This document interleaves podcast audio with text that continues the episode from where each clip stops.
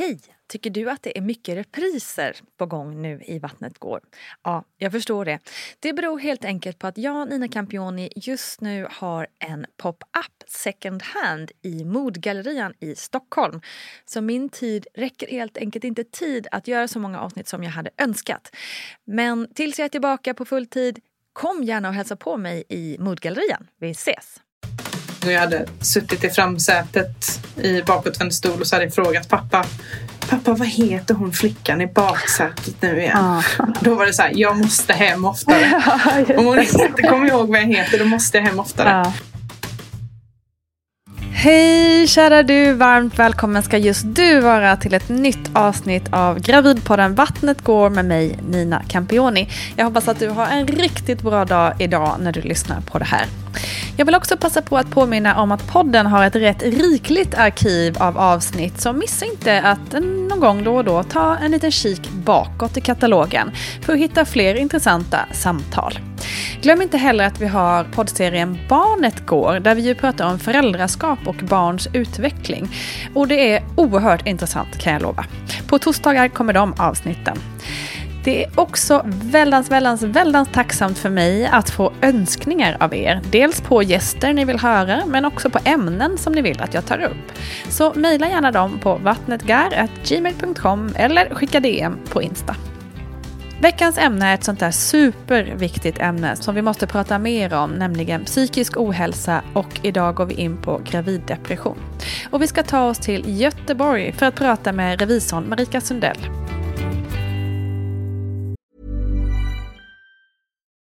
Life is full of what ifs. Some awesome, like what if AI could fold your laundry?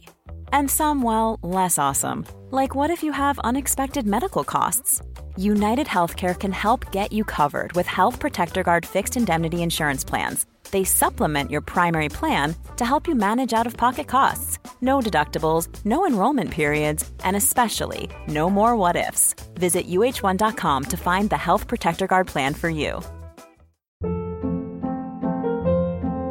Hold up. What was that? Boring. No flavor. That was as bad as those leftovers you ate all week. Kiki Palmer here, and it's time to say hello to something fresh and guilt-free. Hello Fresh. Jazz up dinner with pecan-crusted chicken or garlic butter shrimp scampi. Now that's music to my mouth. Hello Fresh. Let's get this dinner party started. Discover all the delicious possibilities at hellofresh.com.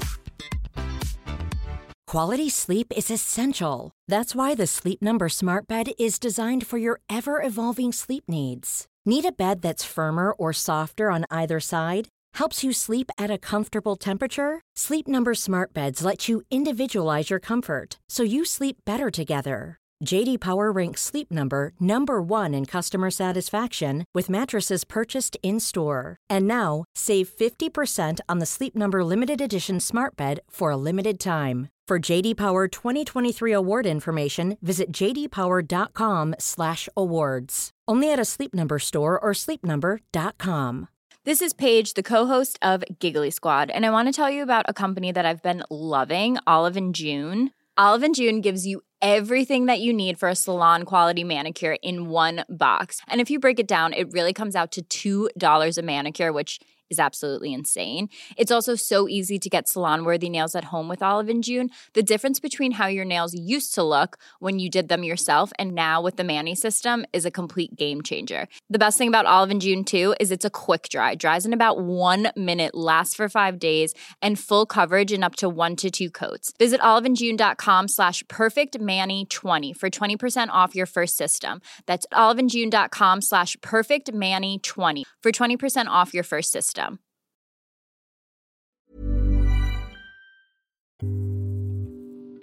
Hur gick dina tankar inför att skaffa barn? För mig har det nog alltid varit ganska självklart. Jag har alltid velat ha barn och jag har mycket äldre, eller betydligt äldre syskon. Mm. Eh, så jag blev moster när jag var 13. Okej. Okay. Ja. Är du en liten sladdis ja. då eller? Ja, precis. jag är lite av en sladdis. Ja. Hur har det ehm. varit? Det är lite intressant. Hur har det varit? Att ha äldre syskon så? Jo, mm. det har varit speciellt. Ehm, min brorsa hade en egen, eller min ena brorsa hade en egen lägenhet Ja. då när, han, när jag föddes. Wow, så stora. Ja, min syrra flyttade till eh, Växjö. Mm. Jag är från Öland då.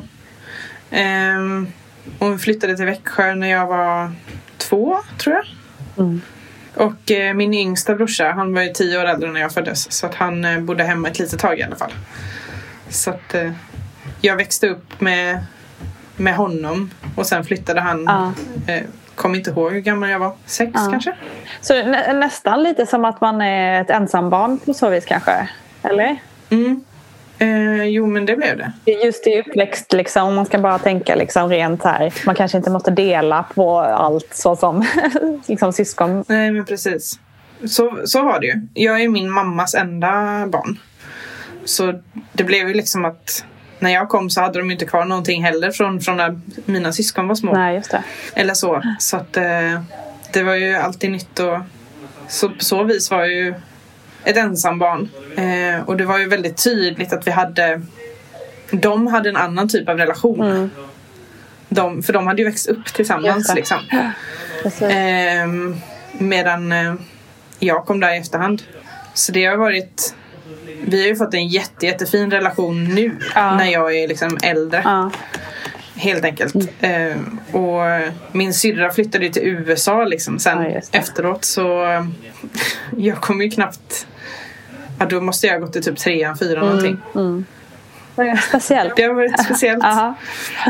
Hon berättade bara när vi hade hämtat henne i Växjö någon gång och jag var kanske tre, fyra någonting och jag hade suttit i framsätet i bakåtvänd stol och så hade jag frågat pappa Pappa, vad heter hon flickan i baksätet nu igen? Då var det så här, jag måste hem oftare. Om hon inte kommer ihåg vad jag heter, då måste jag hem oftare. Ja. Så fick jag alltid massa paket från USA liksom. Ja. För att hon, hon kunde inte komma och hälsa på. Nej, men precis.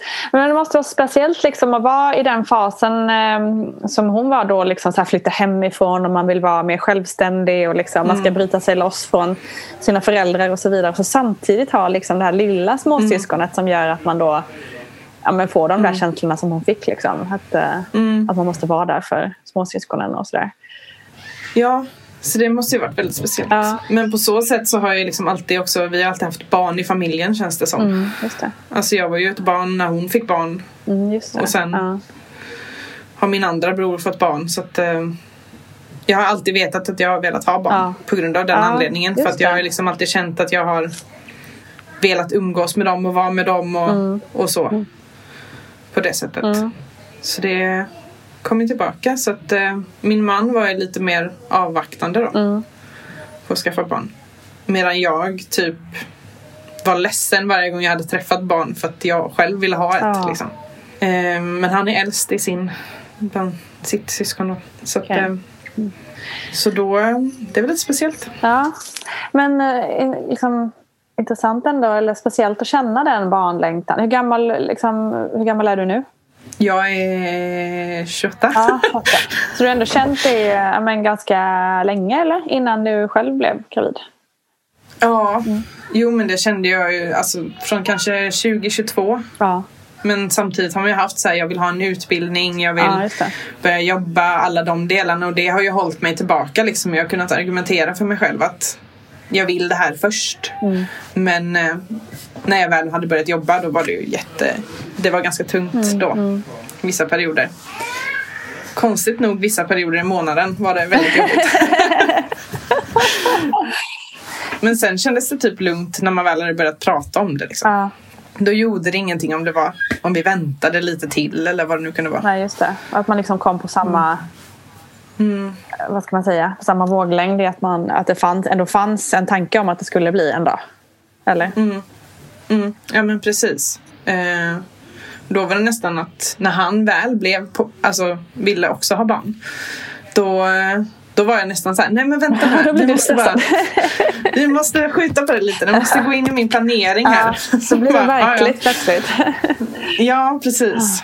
Ja. Så det vände, det vände väldigt fort. Mm. Så. Och då eh, blev jag den avvaktande istället. Mm.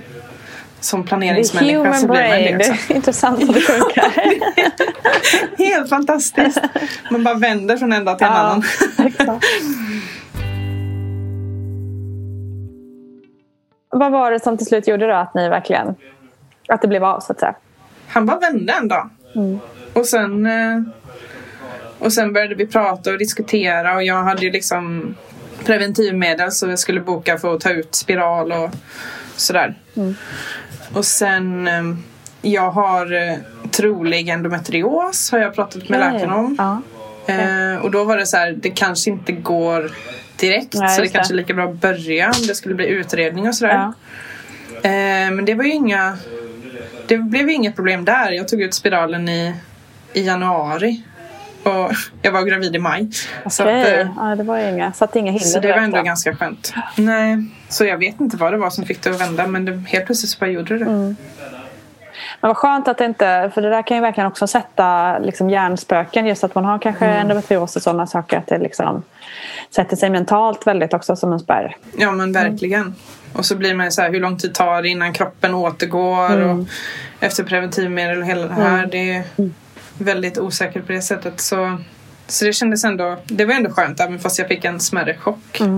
Hur kändes det? det blev- Ja, berätta. Hur kändes det? Jag tror att vi båda två fick en liten chock. På något sätt så var det som att jag bara visste. Att nu tog det sig tror jag. Okej, ja. Och sen så var jag ändå tvungen att gå och vänta då. För jag visste ju att det är helt omöjligt att det har tagit sig. För att jag, det, det är liksom tre dagar efter ägglossning. Det kan omöjligt ha tagit sig. Just det. Och sen då var jag så här, ja men jag skulle hem och hälsa på mina föräldrar över Kristi himmelfärd. Och så jag här, ja, men jag tar en öl. Så Ja. jag har fått göra det. Ja, det. För att det här kommer ta sig. Ja. Och um, Filip, min man, han, han trodde ju inte på det. Han bara, ja ja, det blir som det blir. Ja. Typ. Och sen så kom jag hem. Jag hade suttit på tåget då från Kalmar.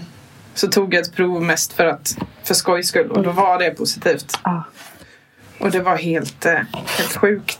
Jag blev jätteglad och han eh, hade köpt sådana billiga teststickor. Och han, han bara, nej jag vågar inte tro på det där. Jag litar inte på de där eldorado-teststickorna. Du får, du får åka och köpa ett riktigt test och sen, sen pratar vi. Ja. Typ. och då fick jag ju vänta till dagen efter. Ja.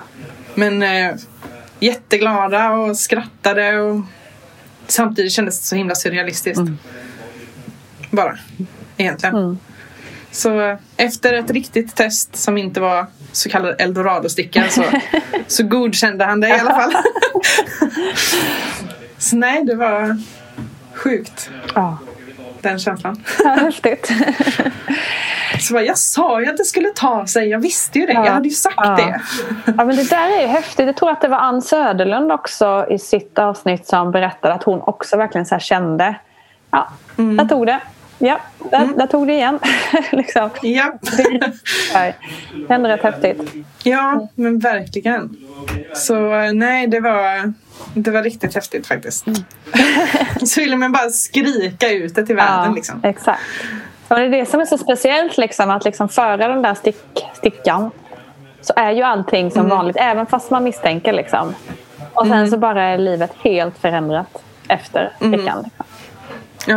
Utan att det syns något eller så.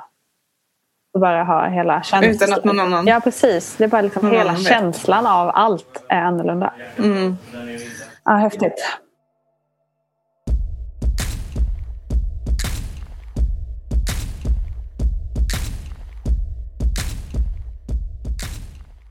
Men hur, hur var då den här inledande tiden i din graviditet? Alltså, de, till vecka 12 var väl de veckorna jag mådde som bäst. Sjukt nog. Mm. Ja, Det är precis. inte Jag så många som brukar säga det. Ja. Jag hade några kompisar som eh, jag tog stöd av med att tolka graviditetstestet. Mm. Och sen så två kollegor på jobbet då som jag absolut inte kunde hålla mig för. Så de eh, fick reda på det så jag hade några att prata med i alla fall. Ja, skönt. Ja, jag jobbar ju som revisor så att vi har ju högsäsong till, till sista juni. Mm. Och sen trappas det ner och sen så har vi lång sommarledighet. Så att ehm, jag träffade ju i princip inga kollegor eller så och pratade med sen men mådde jättebra. Jag hade haft spänningshuvudvärk hela våren egentligen. Mm. Som bara försvann. Okej. blev väldigt trött dock. Så jag sa, jag kommer ihåg att jag sa att jag känner mig inte så trött ändå. Nej. Och Filip sa att du är lika trött som när jag hämtade dig klockan 23 på kontoret. Och jobbat liksom Ja. jobbat hur många timmar som helst i flera veckor. Du är lika trött då fast du kommer hem vid fem. Ja. Så jo, Så du du är trött. trött. Du, bara, du har bara samma nivå på när du kom hem. Mm. Men du vet, sen kom sommaren och ledighet och vi skulle gifta oss och ja, det blev så mycket annat liksom. Ah, så du gift, ni gifte er Eh. när du var gravid? Ja, jag var tio veckor då. Okej, hur var det då? Det var bra. Mm. Ehm, vi hade tagit ett tidigt ultraljud så att vi kunde berätta för alla på bröllopet. Gjorde ni det på Eh, bröllopet? Nej, vi hade gjort det som ungefär? typ var innan. ja. Alltså min pappa höll på att gå under. Bara, du måste berätta för alla innan Mikael, jag kommer inte kunna hålla mig. Så bara, nej, nej, okej. Så vi fick ju liksom ringa så snällt och bara Så ja, hej, ja. pappa vill att jag berättar att jag är gravid. Till mina syskon och sådär. Så att alla visste ju om det så det var skönt. Det var ett väldigt litet bröllop. Så då var det, då kunde vi berätta för de närmsta vi hade sett hjärta och sådär. Eller vad det nu är. Så det var, det var häftigt ändå. Ja. Eftersom att jag inte mådde illa eller någonting Precis. sånt heller så var det liksom bara positivt. Faktiskt. Så det var jättekul. Ja. Vi var ute och festade till typ ett på natten eller någonting sånt här. Ja. Vad härligt. Alla utom jag. ja, precis. ja. Men jag la upp den frågan faktiskt på Vattnet Gås Instagram just det här med att vara gravid brud då. Eh, och att Mm. de, men de som svarade i alla fall så, såg det som att det var liksom, gjorde det hela extra fint på något vis och extra Mm. eh, liksom, ja, sammansvetsande. ja, men verkligen. Det var faktiskt riktigt fint. Det var ju liksom ett också ett spontant beslut som min man kom med. Liksom att om vi nu ska skaffa barn och börja försöka då vill jag att vi gifter oss i sommar. Så bara, jaha, då får vi väl lösa det. Ja.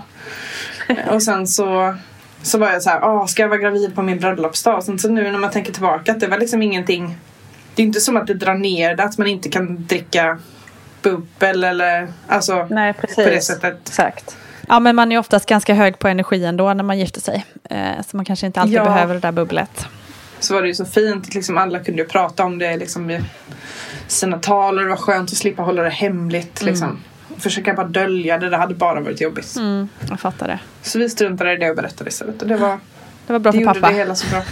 Ja. Tack pappa.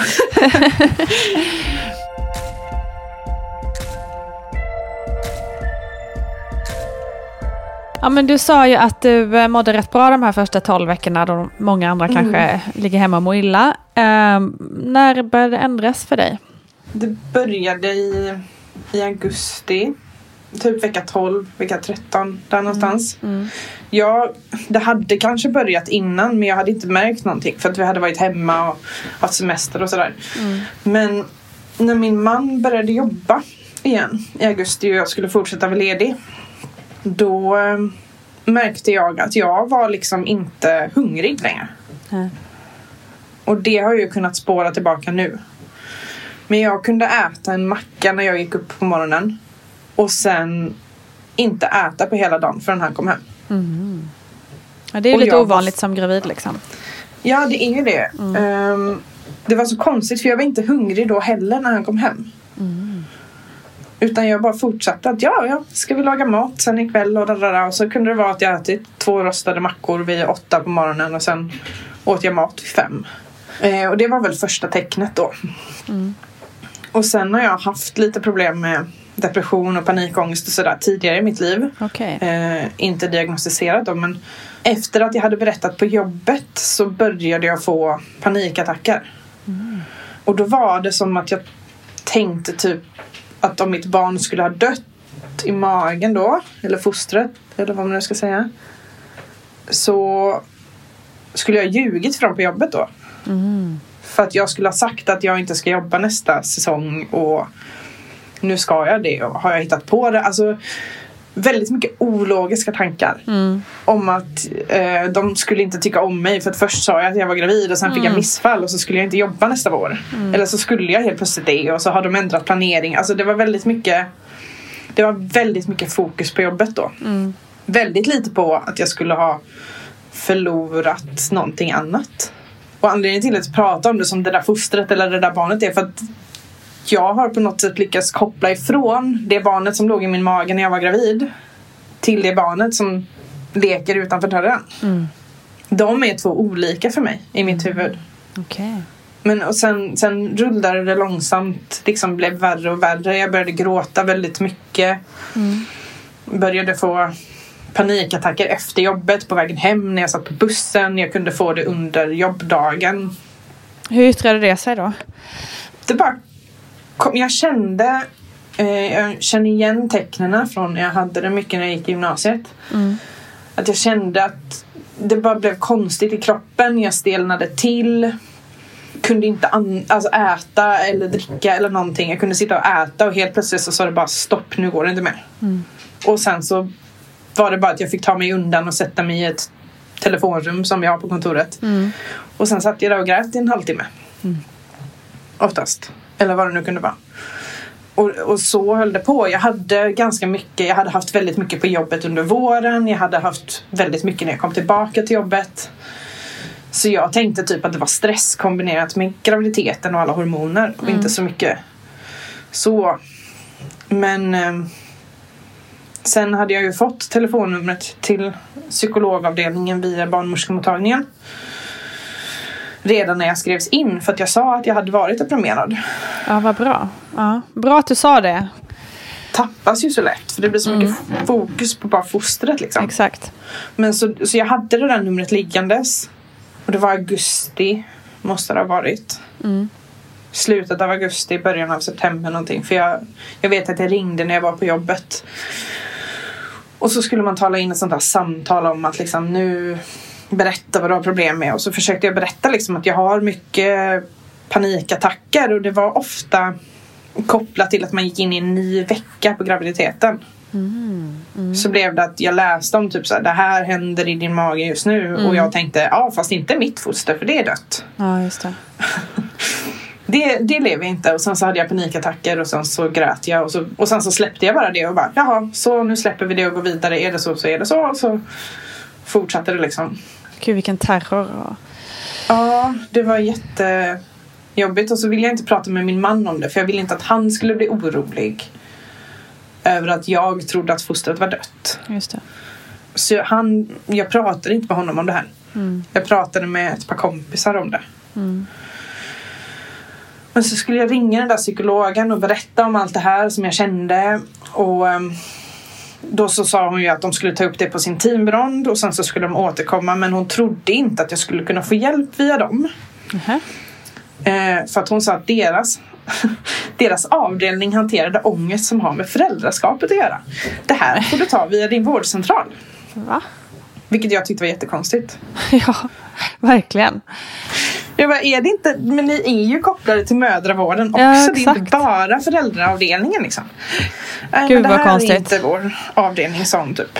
Och också är det ju verkligen också så att man blir ju förälder när man kissar på stickan. Liksom. Eller man kan ju Ja. bli förälder på andra sätt också. Men där, där och då börjar man ju knyta an till ett barn och man börjar liksom, tänka på föräldrarollen. Och det är inte som att man blir förälder först när barnet kommer ut. Liksom. Nej, men verkligen inte. Så Jättekonstigt ta det var på. jättekonstigt. Så då ringde jag ju liksom barnmorskemottagningen igen och bara, hallå? Ja. De säger att jag inte ska ringa dem för att det här är bla bla bla och berättar allt vad det var. Ja. Och de sa absolut inte du ska gå till dem. Du behöver stöd och hjälp liksom. Så det är, det är dem du ska gå till. Så. Ehm, så sen tog det bara ett par dagar och då var det en psykolog som hade tyckt att jag skulle gå hos dem. Okej. Så jag fick ju tid hos dem direkt liksom. Ja, vad bra att det löste sig, men herregud. Vilket konstigt mottagande. Jätte, jättekonstigt mottagande var det. Alltså också säga det till någon som liksom sitter och gråter i telefon och har ångest och börjar få en panikattack. Så bara, ja, det låter jättejobbigt men du ska nog inte gå till oss för det. Nej, precis. Nej, okej.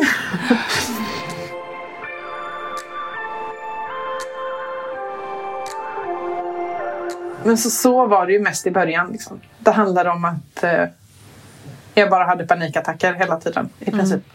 Någon gång om dagen började jag gråta från ingenstans. Men det har man ju hört att man gör när man är gravid. Ja, det är ju inget Tusen. ovanligt. Men fick du tid hos dem sen då till slut? Hur var det att, Mm. att gå dit då? Eh, konstigt. Alltså jag har ändå gått hos eh, psykolog och kurator och sådär sen jag var typ eh, sju. Mm. Så det var jättekonstigt att liksom sitta där och igen Mm. känna att är jag tillbaka här nu? Mm. Jag har varit här så många gånger innan. Det var så länge sedan jag var här sist.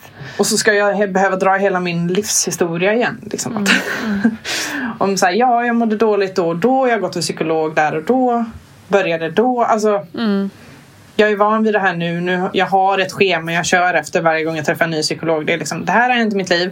Ja, just det. Ja. Så kan vi släppa det och gå vidare. Det här är vad vi behandlar nu. Mm. Så det kändes konstigt att gå till henne men hon var jättebra. Mm. Verkligen eh, tyckte om henne jättemycket. Men hon tyckte att jag skulle bli heltidssjukskriven då. Okej. Med en gång. Och så började jag så här, ja men du förstår det går inte. Just. För jag har utbildning nästa vecka.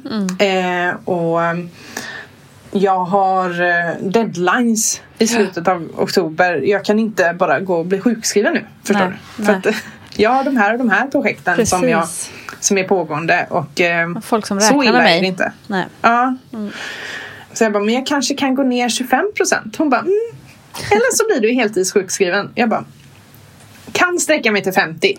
Hon bara, eller så blir du heltidssjukskriven. Så ehm, jag ryckte väl på axlarna typ och så bara, ja, ja, jag kontaktar väl vårdcentralen. Se vad de säger. Och så, det här var på en torsdag. Så jag skickade in mitt ärende till vårdcentralen. Och så gick jag till jobbet på fredag. Och så skulle jag ha ett möte med en kollega till mig om det här uppdraget jag inte kunde släppa då enligt, eller till min psykolog. Och det slutade med, eller han började med att säga Hej Marika, hur är det?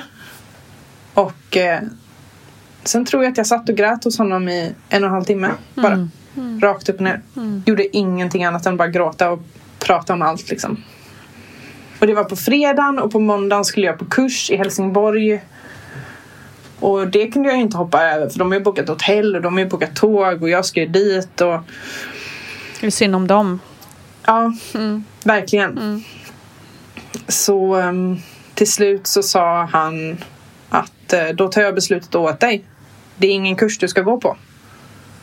Jag mejlar och säger att du kommer inte. Så enkelt är det. Och nu vill jag att du går hem för dagen. Eh, det Vilken gjorde jag såklart inte. Bra kollega. Det gjorde du Ja, inte. verkligen. Jag gjorde inte det, men eh, han kom förbi mig tre gånger till och sen gick jag hem. Är du kvar? Du ska hem. Kommer du inte ihåg att jag sagt det? Jo, jo, okej, ja, ja, jag går. Så ja, han är väldigt bra. Jag är väldigt tacksam för det. Min man är väldigt tacksam för det. Att, han, att han gjorde så. Och tog det beslutet när jag själv inte kunde. Hela det här duktig flicka och... Ja, det känner inte. vi ju igen allt för väl. Många av oss tror jag. Och man ska göra allt.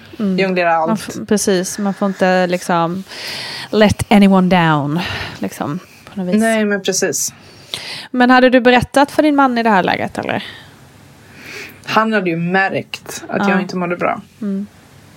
Han hade ju sett det. Men ehm, jag hade nog fortfarande inte öppnat upp mig ordentligt för honom. Nej. Jag stängde ofta in mig när jag blev ledsen eller fick panikattacker eller sådär. Mm. Så det, han visste nog inte allt, nej. Men han visste, han hade ju märkt det för att han försökte få mig att lugna Mm. ner mig och inte jobba så mycket. Eh, och inte stressa så mycket och ta hand om mig själv. Mm. Så han, han märkte ju av det. Och det har han ju sagt i efterhand att han var väldigt, han är väldigt tacksam för att ehm, min kollega tog det, Mm. tog det steget liksom. Ehm, och satte, satte stopp när jag själv inte kunde. Precis. Eller fattade liksom. Stannade du hemma, efter det här då eller? Eller hur gjorde du? Mm, ja, ish. jag, eh, vårdcentralen ringde när jag var på väg hem Mm. från jobbet den dagen. Mm. Eh, och sa att eh, jag skulle komma på måndag morgon. Och att jag inte skulle till jobbet då. Och att jag inte skulle räkna med att gå till jobbet den dagen. Så jag eh, sjukskrev mig på fredag eftermiddag. Mm. Och sen gick jag till vårdcentralen på måndagen. Och eh, jag blev sjukskriven eh, på halvtid direkt. Okej. Han tyckte att jag behövde gå till jobbet för att ha någon form av rutin. Just det. Mm. Han sa att hade det inte varit för det så hade jag blivit heltidssjukskriven med en gång. Mm. Okay. Han sa jag tror att det är bra om du kommer upp på morgonen och iväg Ja, och men träffar just det. folk. Just det. Det kan man ju Ehm. kanske förstå i och för sig. Eller? Ja, ja, jo. Och jag Eller var just ju det liksom. ja, ja, precis. Alltså det är väl det är så här tvåeggat svärd liksom. Det låter ju rimligt på ett sätt för att man behöver kanske ibland någonting som gör att man kommer upp liksom och igång. Mm. Eh, samtidigt som man, ja, du var väl kanske inte i det läget att du skulle göra det.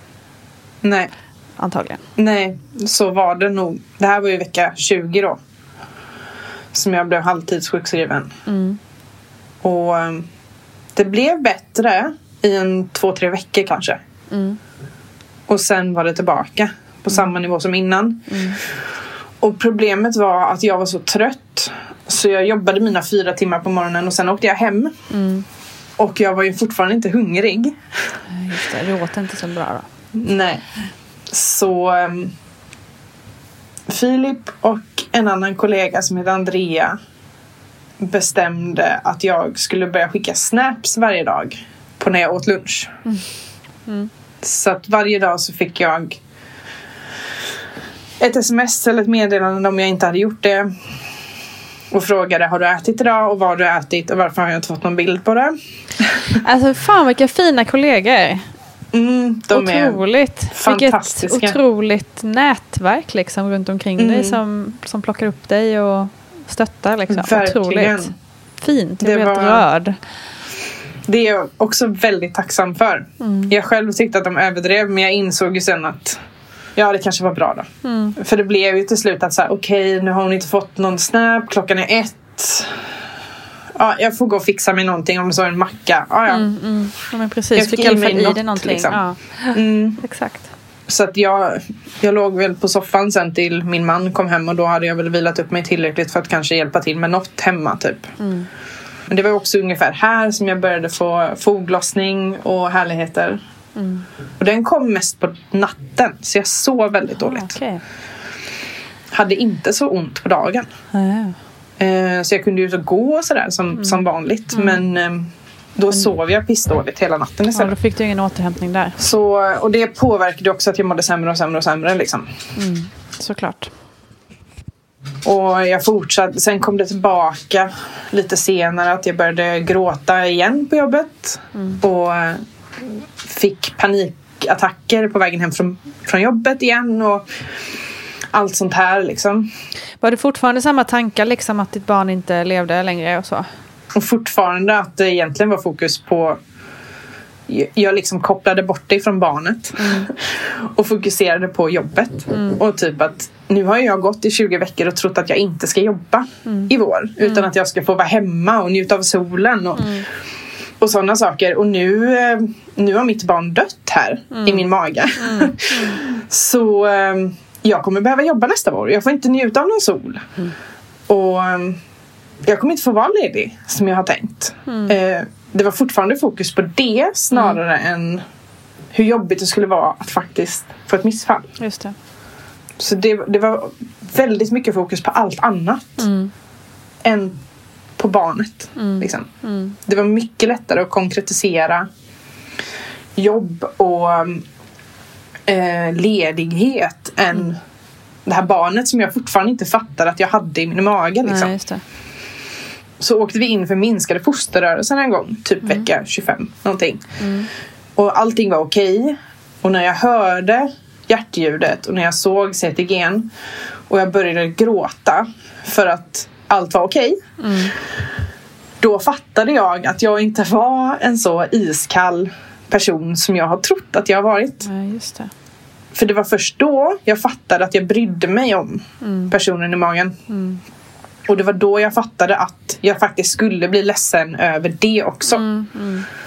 Men fram tills dess så var det väldigt mycket jag är ledsen för att eh, jag inte kommer få vara ledig eller jag är ledsen för att eh, jag har sagt att jag inte ska vara med på uppdrag och nu ska jag vara det helt plötsligt igen och varför kan jag inte bestämma mig typ som att det är något beslut jag har tagit att Ja, precis. Som att Mitt barn ska dö. liksom. Ja.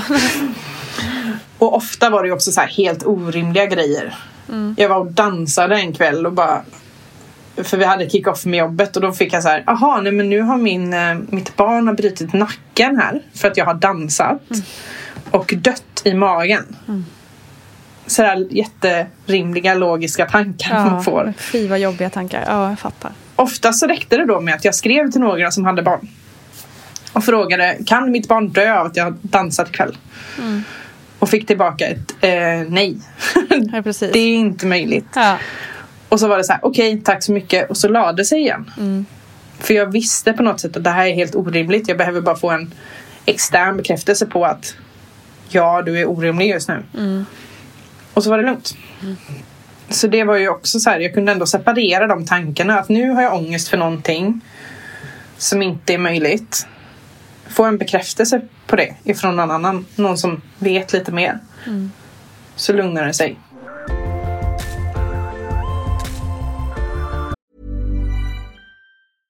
Cool fact a crocodile can't stick out its tongue. Also, you can get health insurance for a month or just under a year in some states. United Healthcare short term insurance plans, underwritten by Golden Rule Insurance Company, offer flexible, budget friendly coverage for you. Learn more at uh1.com. Hey, it's Ryan Reynolds, and I'm here with Keith, co star of my upcoming film, If, only in theaters, May 17th. Do you want to tell people the big news?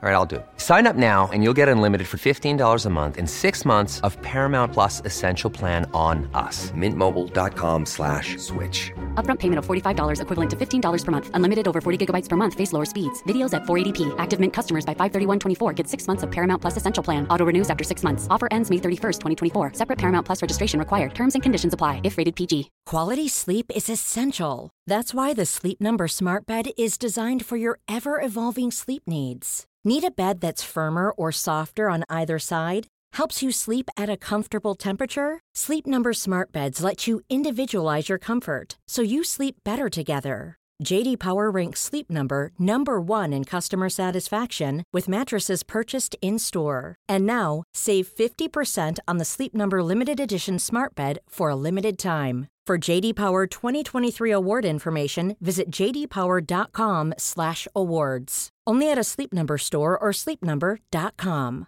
Ever catch yourself eating the same flavorless dinner three days in a row? Dreaming of something better? Well, HelloFresh is your guilt-free dream come true, baby. It's me, Kiki Palmer. Let's wake up those taste buds with hot, juicy pecan-crusted chicken or garlic butter shrimp scampi. Mm. Hello Fresh. Stop dreaming of all the delicious possibilities and dig in at HelloFresh.com. Let's get this dinner party started. Since 2013, Bombas has donated over 100 million socks, underwear, and t shirts to those facing homelessness. If we counted those on air, this ad would last over 1,157 days. But if we counted the time it takes to make a donation possible, it would take just a few clicks. Because every time you make a purchase, Bombas donates an item to someone who needs it. Go to bombas.com slash ACAST and use code ACAST for 20% off your first purchase. That's bombas.com slash ACAST, code ACAST.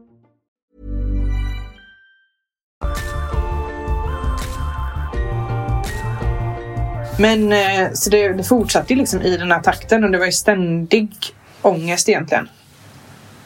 Och sen kom jag till läkaren i slutet av november. Det här måste vara typ vecka 27 någonting. Och jag tvingade till mig ett möte innan hos läkaren än, än vad vi hade planerat. För att jag kände att jag behövde antidepressiva. Jag, jag behövde någonting. Och då jobbade jag fortfarande halvtid. Och jag satt där och grät och grät och grät och sa att det här går inte alls. Jag orkar ingenting. Jag har ångest och panik. Och jag, jag känner mig som bara en sån här ångestklump som istället för att växa upp och spricka en gång i halvåret spricker tre gånger per dag. Och då fick jag ju antidepressiva för det var så här, Han sa det redan vid ins- alltså när jag var där på första mötet att det finns en risk med att ta antidepressiva. Men att väga det mot att du mår dåligt Ja, är också en risk. Att du inte tar hand om dig själv och inte mår bra och de delarna kan vara farligare än att du tar antidepressiva. Så kommer vi till den punkten så tar vi in det. Och eh, Jag satt där och grät och bad om antidepressiva och fick det utskrivet. Och sen tittade han på mig och bara, ja, och hur går det på jobbet då? Och då bara sög jag, andades in djupt och så bara, det går jättebra att jobba halvtid. Tack för att du frågar. det går så bra. Jag har panikattacker exakt varje dag men det går så bra att jobba halvtid. Åh oh, gud. Min man var så arg när jag kom hem. Han var så arg. Du måste sluta ljuga för läkarna Marika. Mm. Ja men han, han skulle ju ha sjukskrivit mig på heltid. Han bara, ja för att du behöver det. Har du tänkt på att det kanske är så att du behöver det? Nej. Plikten Det före allt. Plikten för allt. Och sen eh, tog jag de här antidepressiva i två veckor. Och då kickade det in. Alltså jag, det var från en dag till en annan så bara kände jag att någonting hade ändrats igen. Och jag märkte att jag blev bättre och jag började må bättre. Och då var det som att jag blev klarsynt. Okej. Och då insåg jag att jag kan inte jobba. Nej. Jag hade ett, ett nytt möte med läkaren i början av december. Första måndagen i december eller vad det var. Och hela sista veckan i november så var jag så här på jobbet. Bara så att ni vet så kanske jag kommer bli sjukskriven nu. Så att nu ska vi avsluta allt vi kan. var jättenoga med att liksom rapportera och skicka iväg alla mina mejl på fredag innan jag gick hem. Och sa liksom att jag kommer nog inte tillbaka nästa vecka Nej. räkna inte med mig nästa vecka. Och sen eh, gick jag till läkaren och så sa jag att eh, det går inte mer tack. Kan du sjukskriva mig på heltid? och det var inga problem Nej. för läkaren. Gud vad skönt att du fick den insikten till slut. Det var, det var jätteskönt och på ett sätt så var det väldigt skönt att jag testade att jobba halvtid tror jag. För att det blev, eh, det blev på mitt villkor på något sätt. Hade jag blivit heltidssjukskriven så hade jag nog gått och varit sur för att jag inte fick försöka.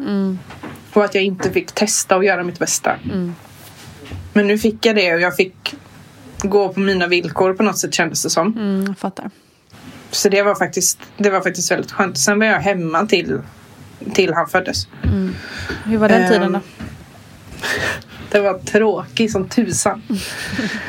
Inte kunde jag gå någonstans eh, för jag hade så ont. Överallt liksom.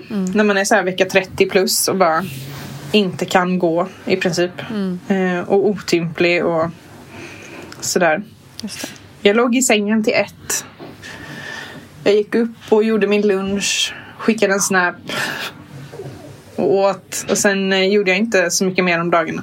Satt vid tvn, spelade tv-spel. Men hur gick det med ångesten de veckorna då? Den var där men det var inte... Det var bättre. Och det var inga dagliga panikattacker. Men eh, de fanns där då och då. Och oftast kunde jag ju lugna mig ner mig själv eh, när det hände. Just det. Och jag eh, har en annan väldigt eh, nära kompis som jag lärde känna på universitetet som har fått hantera mina ångestattacker genom åtta år nu. Ja. Så oftast så kunde jag bara ringa henne. Hon jobbar också som revisor så att jag visste att hon kunde oftast ta typ fem minuter samtal. Och då räckte det med att jag ringde och bara grät och sa kan du prata om någonting? Prata om vad som helst. Bara berätta för mig, vad gör du just nu? Och så kunde hon vara så här, ja jag gör det här och det här på jobbet. Och så till slut så blev det så här, "Ha, har du tänkt på den här sidan? Och så kunde jag komma in i, den, i det samtalet och när det var så här, nu kan jag föra ett samtal och andas normalt. Då kunde vi lägga på igen. Återigen, så himla fina människor du har runt omkring dig alltså. Verkligen. Jag är så lyckligt lottad alltså. För alla de som är runt omkring mig.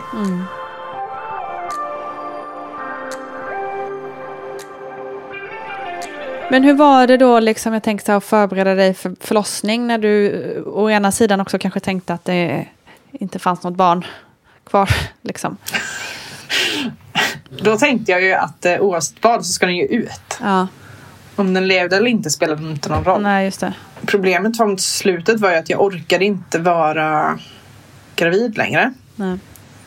Och jag... ehm, Det här har jag väl egentligen inte pratat med mer än någon om. Men ehm, jag fick... Jag fick väldigt mycket... jag måste sluta vara gravid nu för det är graviditeten som gör att jag mår så här. Och det blir mycket så här. Jag vågade till slut inte ut och köra med bil och så. För jag kunde komma på mig själv med att tänka men jag har bältet på mig. Om jag kör in i den här lyktstolpen nu då kommer jag troligtvis överleva. Men jag kommer skadas så pass mycket att de kommer behöva ta ut honom ifrån mig. Och jag ville aldrig att han skulle skadas.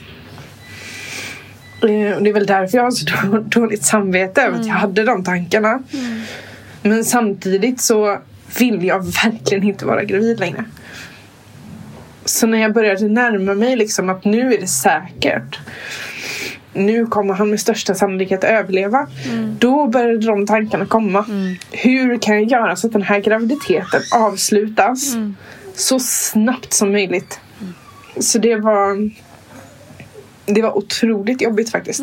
Jag förstår det. Jag kunde liksom komma på mig själv med typ liksom Nu har jag den här kniven i handen. Om jag ramlar nu och får kniven i magen så att den missar honom men träffar livmodern då behöver de plocka ut honom. Och då är jag inte längre gravid. Och då försvinner problemet. Då mår jag inte så här längre. Så det var aldrig liksom tankar om att jag skulle skada mig själv på det sättet. Utan det kanske det låter som när man hör Mm, hör det här. Men det var aldrig liksom för jag, har haft, jag har haft självskadebeteende tidigare och då var det för att få bort ångesten. Nu var det bara att jag ville få bort graviditeten för att jag hade kopplat graviditeten så pass mycket till depressionen. För mig var de samma. Var jag inte gravid längre då var jag inte heller deprimerad. Nej. Och det kom där framåt vecka 35 när jag hade varit hemma en månad. Början av 2020. Och det var så otroligt jobbigt. Det var så otroligt jobbigt. För jag vågade inte prata med någon heller. Nej, jag förstår det. För att jag... eh, Så här förbjuda tan- tankar liksom. Mm, mm. De ringde ju från Försäkringskassan när jag blev heltidssjukskriven. För att de undrade vad tusan. Alltså så här, du kunde jobba innan, varför kunde du inte jobba nu? Och då typ pratade jag så här om de lättaste tankarna jag hade under depressionen. Och bara ja, men du vet det är lite så här och det är lite så här. Och, det... och till slut så var hon bara tyst och bara Är du glad över den här graviditeten? Vill du ha ditt barn? Och då insåg jag att okej, om du reagerar så här på de absolut snällaste tankarna jag har. Hur kommer någon annan reagera? När jag typ tänker om jag kör in i den här lyktstolpen nu. så jag vågar inte berätta för någon om det. Ja, jag förstår det. Och så blir det liksom dubbel bestraffning på, på det nu för att som du säger också få dåligt samvete när du tänker på att du hade de tankarna och sådär. Vilket du inte ska ha såklart. Nej. Och jag kan inte fatta att det är det är han. alltså, Nej, just det. Mm. För mig är det inte han som var där inne. Nej. Alltså så här, jag födde ett barn. Men jag fick ett annat. Alltså så här, det är inte samma barn. ehm, för mig. Och så var jag så här, rent logiskt var jag jätteorolig för anknytning. Och eh, förlossningsdepression och att det skulle fortsätta, att det inte skulle ta slut. Jag kastade ut eh, livlinor överallt kändes det som. För att jag var så rädd. Så jag pratade med barnmorskan. Eh, som skrev in det i min journal. Och hon eh, skrev det också till, eh, till BVC. Att jag var orolig över förlossningsdepression, jag var orolig över anknytning, jag var orolig över en massa olika saker. Så BVC var ju jättenoga i början. På grund av det, eller tack vare det. Jag bokade massa uppföljningsmöten med psykologen. Att vi skulle höras inom den här tiden efter förlossningen och sen så skulle vi ses. Vi skulle göra ditten och datten och det var liksom så här. Jag, och likadant med läkaren då. Att vi skulle höras då och då. Så jag hade ju liksom livlinor överallt. Och samtidigt så ville min barnmorska ha två stycken uppföljningsmöten efter graviditeten. Till skillnad från ett. Just det. Så himla bra att du har varit ärlig genom hela liksom, Ja. att prata med vården om det här. Ja, Det är det då har jag ändå är hållit tillbaka ganska mycket Ja, liksom. ja, ja, precis. Men det är Och ändå det ändå som är så- nyckeln, liksom, att man berättar hur man mår och ber om hjälp. Liksom. Ja, men verkligen. Och det får jag ju samtidigt tacka. Alltså jag hade ju samtidigt inte bett om hjälp på det sättet om det inte hade varit för alla runt omkring mig som hade pushat mig. Liksom. Och samtidigt när man väl har tagit första steget då för mig då som är så van inne i den här psykolog och kuratorsvängen. När man väl har tagit första steget då är det mycket, för mig då var det mycket lättare. Ja, såklart. Okej, nu är det det här vi kör på. Nu har vi tagit spår och depression. Varsågod. Nu åker vi. Det var så mycket annat. Så liksom förlossning och allting. Det bara blev. Jag var så himla fokuserad på det här efteråt. Och då var det liksom. Det vet jag att folk pratar om. Att de är så fokuserade på förlossningen. Att de glömmer bort det här efteråt. Medan jag var så. Förlossningen är ett onödigt ont för att jag ska bli av med den här depressionen nu. Den ska vi bara gå igenom. Och eftersom att jag har lyssnat på din podd sen den kom i princip. Så, så var jag så här.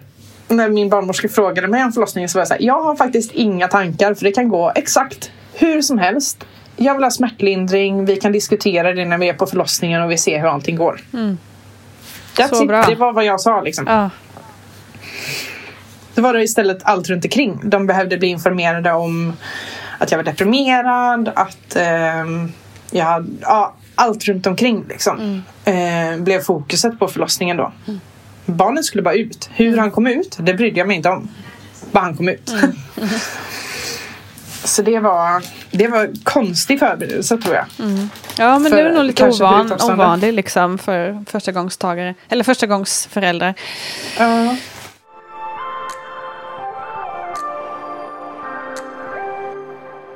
Hur var det då när det väl drog igång? Jag tjatade till mig en igångsättning. Men det Jag sa var, det kändes väl vettigt? Det gjorde det faktiskt. Jag fick träffa barnmorskan och sen en läkare på barnmorskemottagningen och sen en läkare på sjukhuset då på Östra. Så jag blev igångsatt dagen innan BF. För jag sa Okej. det att jag kan gå till BF. Men jag sträcker mig inte över. Alltså. Jag var så rädd för vad som skulle hända om jag skulle gå över tiden. För att det var ju mitt slut på depressionen. Just Det var liksom Det var inte någonting om att, ung, alltså att han skulle födas. Att jag ville ha, det var att jag ville ha slut på depressionen och det var 11 februari, sen skulle det vara över. Det, var liksom, det var det enda jag fokuserade på. Jag hade varit inne på en hinsvepning på barnmorskemottagningen och då var jag öppen typ en och en halv centimeter sa de. Den hade inte gjort någonting. Och sen kom jag in och fick komma till ett rum och så säger de att jag inte ens var en centimeter öppen. Och då blev jag jättesur. För jag hade gjort hinsvepningen typ två veckor innan. Så hon beställde så här ballong och hela kittet liksom. Så skulle det komma en läkare och sätta den. Och den här barnmorskan var ganska hårdhänt. Så jag tror att jag spände mig ganska mycket. För när läkaren kom och skulle sätta ballongen så kände hon och bara Alltså den här ballongen kommer inte fästa. För att hon är över 2,5 centimeter öppen. Så att eh, det var bara så här. Ställ undan ballongen, ta fram så jag kan ta hål på hinnorna bara. Ja. Så löser vi det här. Ja. Eh, så vi gick ifrån eh, ballong och jag såg framför mig att det skulle vara i typ tre dagar. Till att ta hål på hinnorna direkt liksom. Och sätta igång med en gång. Så det var ju väldigt skönt. Wow, ja, För det jag, förstår jag. Vilken lättnad liksom. Ja, jag, bara, jag kan inte ha gått tillbaka. Det är helt omöjligt under den här tiden. Och sen så är det som det är. Nu med den här vården och de här tiderna. Sådär, så Min stackars barnmorska stod inne i mitt rum och gjorde mina undersökningar och höll koll på en annan som var i aktiv fas också. Gud. Ja. Samtidigt och sen fick hon bara gå. Eh, och då fick jag en, en annan som kom in och tittade till.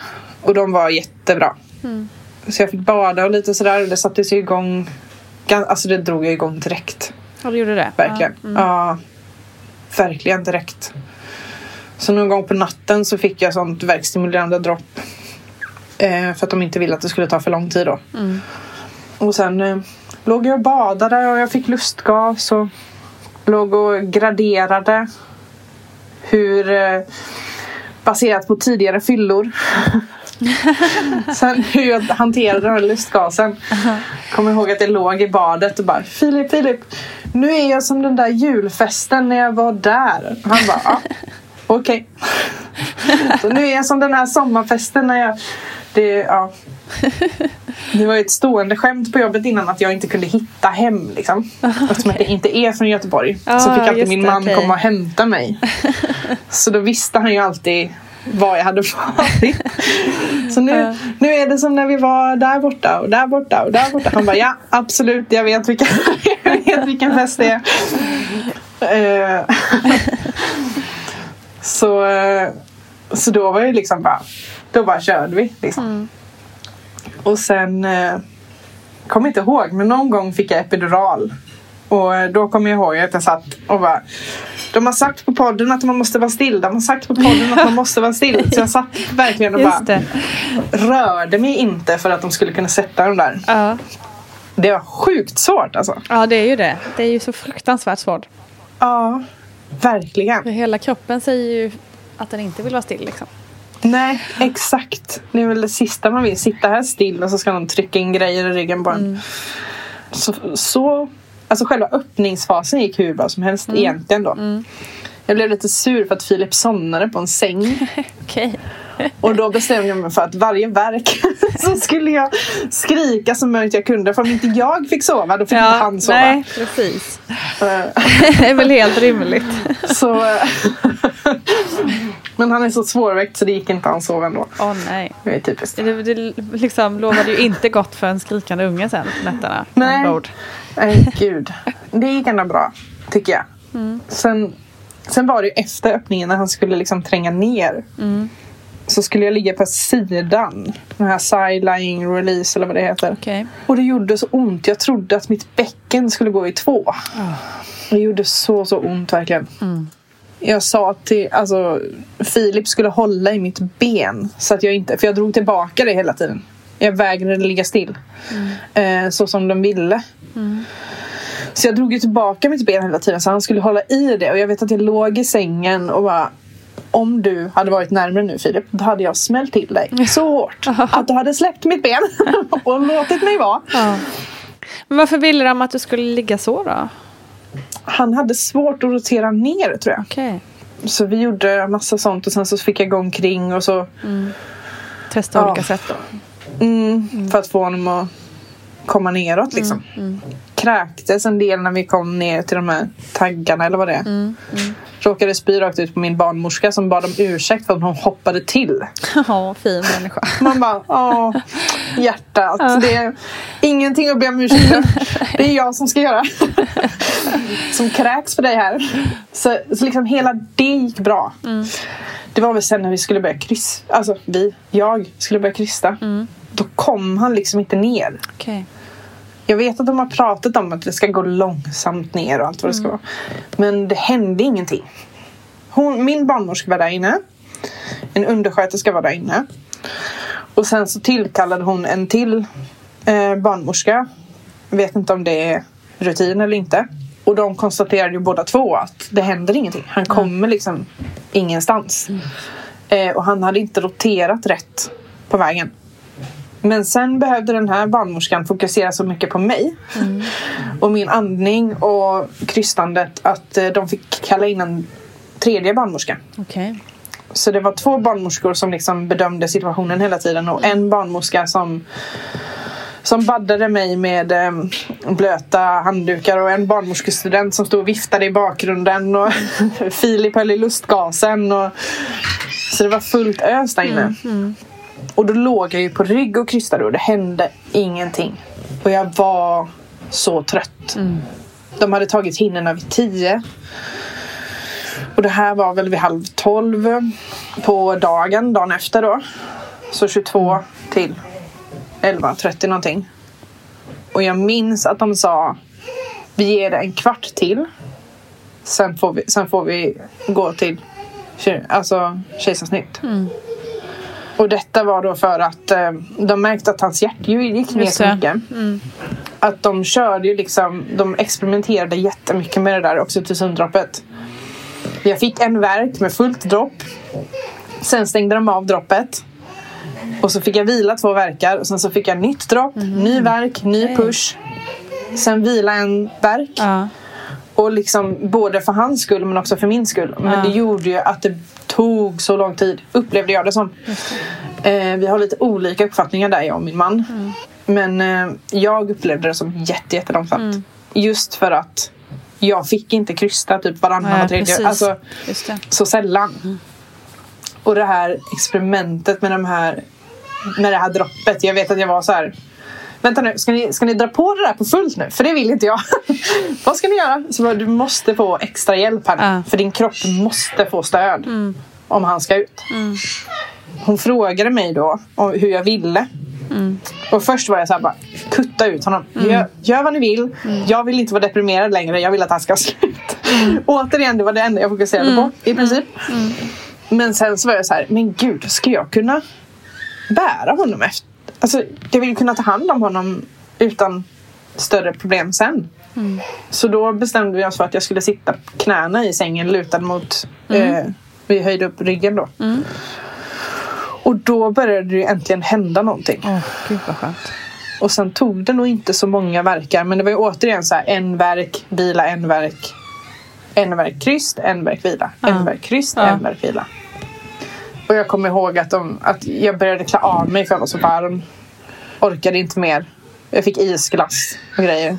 Ehm, och så baddad och allt vad det nu var. Och sen så till slut så när de sa att det hände saker, att de märkte att han kom ner, då kände jag mig lite lugnare. Så när de äntligen började se att det liksom började hända någonting, då får man ju mer kraft också. Upplevde jag i alla fall. Helt plötsligt så gick det ju utan större problem. Liksom. Sen Ja. så tog det ju, det tog ju fortfarande ett par kryssverkar såklart, men det gick ju i alla fall. Obviously, han kom ju ut. Jäklar vad ont det gjorde när huvudet skulle ut. Alltså. Det, det, har, det har jag hört. Jag trodde inte att det skulle göra så ont. Jag försökte klättra bort från det över typ sängkanten och de bara nej du måste stanna här. Du kan inte gå någonstans. Bara, åh. Nej, den är Ehm, svår att springa ifrån. Ja, den är ju det tyvärr. Han hade väl följt efter antar jag. Ja, exakt. Och sen när han kom ut och det bara dog allting. Det var helt, helt sjukt. Den är svår att beskriva. Hur det blev så lugnt i rummet. Ja. Ja, det är Och så sa de åt mig att jag skulle sätta mig ner så att jag kunde få upp honom. Och jag hade inte fattat att de hade flyttat honom så att jag hade kunnat se honom. Så som jag satt. Ja, just det. Men jag vågade inte röra mig. Jag tänkte Så att du skulle sätta åt- dig på honom liksom. Ja, jag var helt säker på att jag skulle sätta mig på honom. Eh, alla som känner mig kan eh, skriva under på att jag är ganska klumpig. Okej. Så att jag var helt säker på att jag skulle sätta mig på honom. Ja. Så jag sa ju åt dem att de skulle flytta mina ben så att jag visste när det var okej för mig att sätta mig. Och sen så när man får upp det här lilla knytet på bröstet alltså. Helt otroligt. Hur var din känsla då liksom? Med, med tanke på att du, ja men säg, som du tänker på det nu, att det var en pojke nu och något helt annat innan liksom. Eh, Då var jag nog fortfarande inställd på att det inte var, alltså då hade jag nog bara förträngt liksom att det var den personen som hade vuxit i mig på något sätt. Så att det var helt, det var så konstigt. För jag kunde inte fatta riktigt. Alltså verkarna försvann. All den smärtan försvann. Foglossningen försvann. Och jag blev så hungrig. Nej, vad coolt. Alltså fem minuter efter så var jag såhär, ursäkta, när kan jag få mat? För att jag, jag har typ inte ätit på ett halvår nu. Så Nej, precis. Fan vad jag var sjukt så, ändå. så hungrig. Ja. Ja. Jag kan säga att de mackorna var väl det godaste jag ätit. Alltså, ja, det förstår jag ju verkligen. Frukostbrickan har vi pratat många gånger om, men, men i ditt fall måste det ju varit extremt fantastiskt att få Ja. in den. Och jag fick sån ny energi. Alltså, Mm. Barnmorskan var tvungen att bara säga, nej du måste lägga dig ner igen. Mm. Vi, måste, vi måste göra undersökningar nu. Vi måste kolla om du har spruckit. Vi måste få ut li- alltså, moderkakan. Mm. Vi måste kolla din mage. Sådana saker. Jag bara, nej, men jag vill gå och duscha nu. Jag vill, jag vill göra det här. Jag vill göra det här. Jag vill, jag vill titta på det här. De bara, nej du lägg dig ner. Vi tar Mm. ett, steg, ett steg i taget nu. Nu ska du lägga det här. vi ska få ut moderkakan och sen kan vi ta nästa steg. Ja. Åh, det var så sjukt. Ja. Det var så du, sjukt. Var, du vaknade upp då liksom? Mm. Det var som en dimma bara lyftes från mina Ja. ögon. Aha, det är så häftigt och sjukt samtidigt. Liksom. Att, det, Ja. att det funkar så. Ja. Nej, det var helt, helt galet faktiskt. Sen hatade jag tiden på BB. Jag tyckte det var fruktansvärt. Jag ville bara hem liksom. Eh, Men då hade jag ju varit så duktig och slängt ut så många livlinor så det stod ju överallt att jag absolut inte fick åka hem förrän det hade gått minst 48 timmar. så de vägrade släppa hem mig. Vilket bra för dem. Ja, Alltså, ja men precis. bra Det är jobbat väl av dem. jättebra. Verkligen. Men det passade inte oss. Eller passade inte mig alls. Liksom. Och de behövde ju hålla koll på honom också för utsättningssymptom av antidepressiva. Ja, ja, Så ja, det- okej. Så det var ju inte bara för min skull utan det var ju för hans skull också. Men annars så var det, det var ju helt sjukt. Jag, alltså jag åt så mycket. på BB. jag åt så mycket Härligt. mat. Jag ville ha så mycket frukt. Ah, Gud vad härligt. Så det var helt, eh, det var verkligen galet. Men var det liksom som att depressionen och ångesten var bara borta? Mm, ångesten hade jag ju kvar då. Ja. såklart. Men eh, depressionen var borta. Mm. Eh, Otroligt. Jag, hade, jag har separerat alla mina symptom. Alltså så. Mm. Och jag lyckades ändå typ säga jag hade väldigt lågt självförtroende. Mm. Det hängde kvar ganska länge. Typ jag vågade inte byta blöjor. Jag Mm. vågade inte bära honom. Jag var väldigt rädd för att tappa honom. Mm. Väldigt rädd för att ramla. Så sådana saker vågade inte jag göra. Eh, och Filip var hemma en månad då. För att jag ville. Jag, Mm, jag kände att jag behövde det. Så då, då hade jag ju tid på mig. Exakt. Att liksom Ja. Jobba mig in i den här rollen. Men Alltså han är född den 11 februari och jag hittade noteringar att jag hade ringt eh, vårdcentralen den 20 februari och bett om att få bli av, alltså ta bort min antidepressiva och börja uttrappa den. Fantastiskt ju. Jag kanske skulle ha gått på den ett par veckor längre. Bara en li- liten sån grej, för det är en ganska stor grej att bli Ja, mamma på såklart. barn. Och, Såklart. Men eh, jag var verkligen så här, så nu är, nu är det här över. Nu är det här ett kapitel i vårt liv vi lämnar bakom oss. Det var jobbigt, det var hemskt. Det gick över. Vi överlevde det. Nu blickar vi framåt. Så det var mm, Det var sjukt faktiskt. Det trodde jag absolut inte. Så jag var så himla sur på alla livlinor jag hade slängt ut överallt. Sluta kolla upp mig, jag har att det är bra. Så står det ju i mina journaler så här, obs, säger inte alltid allt och bla bla bla. Nej, just det. För det hade jag ju varnat för att jag kanske döljer lite. Ja. Så de var ju så himla noggranna allihop. Jättebra, jätte- alltså jättebra. stor kudos Ja, verkligen. verkligen. Otroligt bra. För det är ju ofta vi pratar om, om det som tvärtom. Liksom. Att eh, Ja, vården släpper ut den allt för lätt. Liksom, eller vad man ska säga. ja. Så det var ju alltså, jättebra. Jag är inte sur på dem så. Jag var bara irriterad Ja, det- då. För då kände jag Nu har jag sagt att jag mår bra. Jag är redo att släppa det här och Mm. lämna det bakom mig. Och ändå så fortsätter alla att kolla upp mig. Ja. Nej, men det förstår man ju att det, att det kan kännas så. ehm, samtidigt som jättebra naturligtvis. Ja, men precis. Mm. Så nej, väldigt bra jobbat av vården faktiskt. Jag tycker att de har hanterat det utomordentligt. Det var härligt. Faktiskt. Skönt att Ja, heja på det. så heja vården. Alltså Mm. verkligen. Rätt personer träffade jag. Hur gammal är din son idag? Eh, han är strax över ett år. Och hur, Mm. hur, tänker, hur känns det nu idag? Liksom? Och när du tänker på tillbaka på den tiden och så. Och hur mår du idag? Det känns... ehm, jag mår jättebra. Mm. Alltså så. Det, det känns väldigt jobbigt när jag tänker tillbaka på den. Mm. Jag eh, vill ju ha fler barn. Mm. Men jag är väldigt rädd för nästa graviditet. Mm, det förstår jag. Samtidigt så känner jag liksom att eh, jag överlevde det. Mm. Det försvann. Och om jag har samma målbild bara, tänker jag. Mm. Bara bestämt mig för att om jag blir deprimerad nästa gång då vet jag Mm. eh, både att antidepressiva funkade för mig Mm. men också att jag mår bra av sjukskrivning. Att det funkar det, bra. att det är okej. ja. Mm. Så nu har jag liksom sagt till min man att om det skulle bli så så vill jag att han pushar för liksom typ så här att jag faktiskt går och typ simmar. Och Jag kunde inte göra någonting annat med min foglossning. Men jag orkade inte det. Och han var förståeligt rädd för att pusha mig. Mm. För vi visste inte. Varken han eller jag. Eh, han visste inte hur mycket han skulle våga pusha. Och jag visste inte var min brytgräns gick. Där har jag ju sagt liksom att nästa gång om det blir så här då vill jag att du pushar för mm. vissa delar. Mm. För det tror jag att jag skulle må bättre av. Mm. Ja, jo men precis just det här med fysisk aktivitet och frisk luft till exempel och sådana saker ja. är ju rätt viktiga. Ja, mm. exakt. Och nu vet jag lite på något sätt var min smärtgräns gick förra gången. Mm. Och då får man ju liksom arbeta ut efter den informationen man har. Precis. Så det känns jättejobbigt mm. att tänka sig att må så här dåligt igen. För jag har mm. nog förträngt ganska mycket mm. Av det. Mm. Men samtidigt så vet jag att jag kan komma ut på andra sidan också. Mm. Som jag inte visste då. Nej, just det. Jag trodde att jag var fast i det där för alltid. Mm. Förra gången.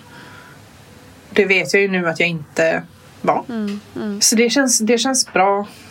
Mm. jag har nog mest typ lite ångest kopplat till att om jag skulle bli så dålig gentemot Oscar då. Just det.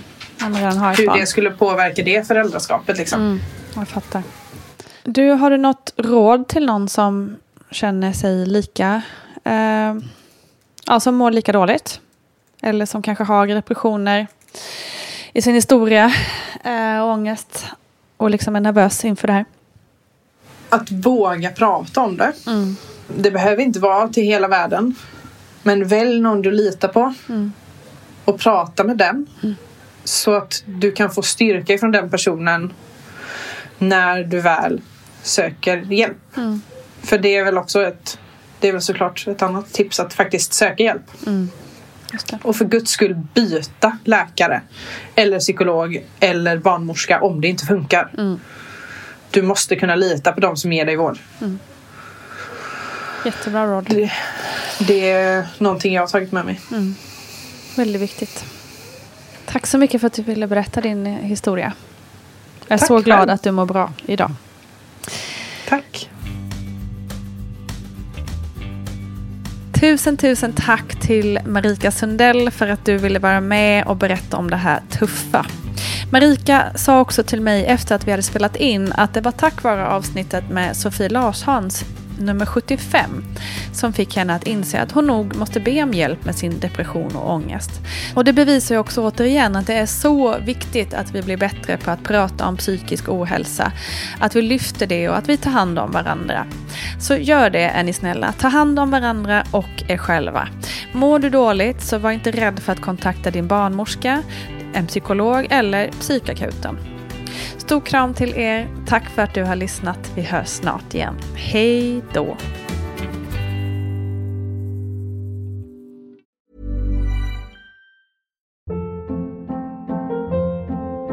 Hold up. What was that? Boring. No flavor. That was as bad as those leftovers you ate all week. Kiki Palmer here, and it's time to say hello to something fresh and guilt-free. Hello Fresh. Jazz up dinner with pecan-crusted chicken or garlic butter shrimp scampi. Now that's music to my mouth. Hello Fresh. Let's get this dinner party started. Discover all the delicious possibilities at hellofresh.com.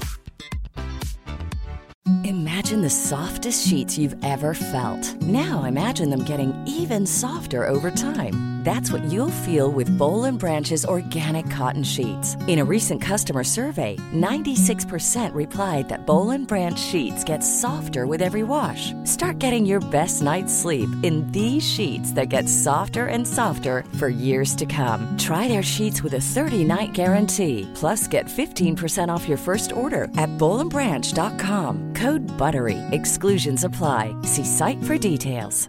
Planning for your next trip? Elevate your travel style with Quince. Quince has all the jet setting essentials you'll want for your next getaway, like European linen, premium luggage options, buttery soft Italian leather bags, and so much more. And is all priced at 50 to 80% less than similar brands. Plus, Quince only works with factories that use safe and ethical manufacturing practices. Pack your bags with high-quality essentials you'll be wearing for vacations to come with Quince. Go to quince.com/pack for free shipping and 365-day returns. Hi, I'm Daniel, founder of Pretty Litter. Cats and cat owners deserve better than any old-fashioned litter. That's why I teamed up with scientists and veterinarians to create Pretty Litter. Its innovative crystal formula has superior odor control and weighs up to 80% less than clay litter. Pretty Litter even monitors health by changing colors to help detect early signs of potential illness. It's the world's smartest kitty litter. Go to prettylitter.com and use code ACAST for 20% off your first order and a free cat toy. Terms and conditions apply. See site for details.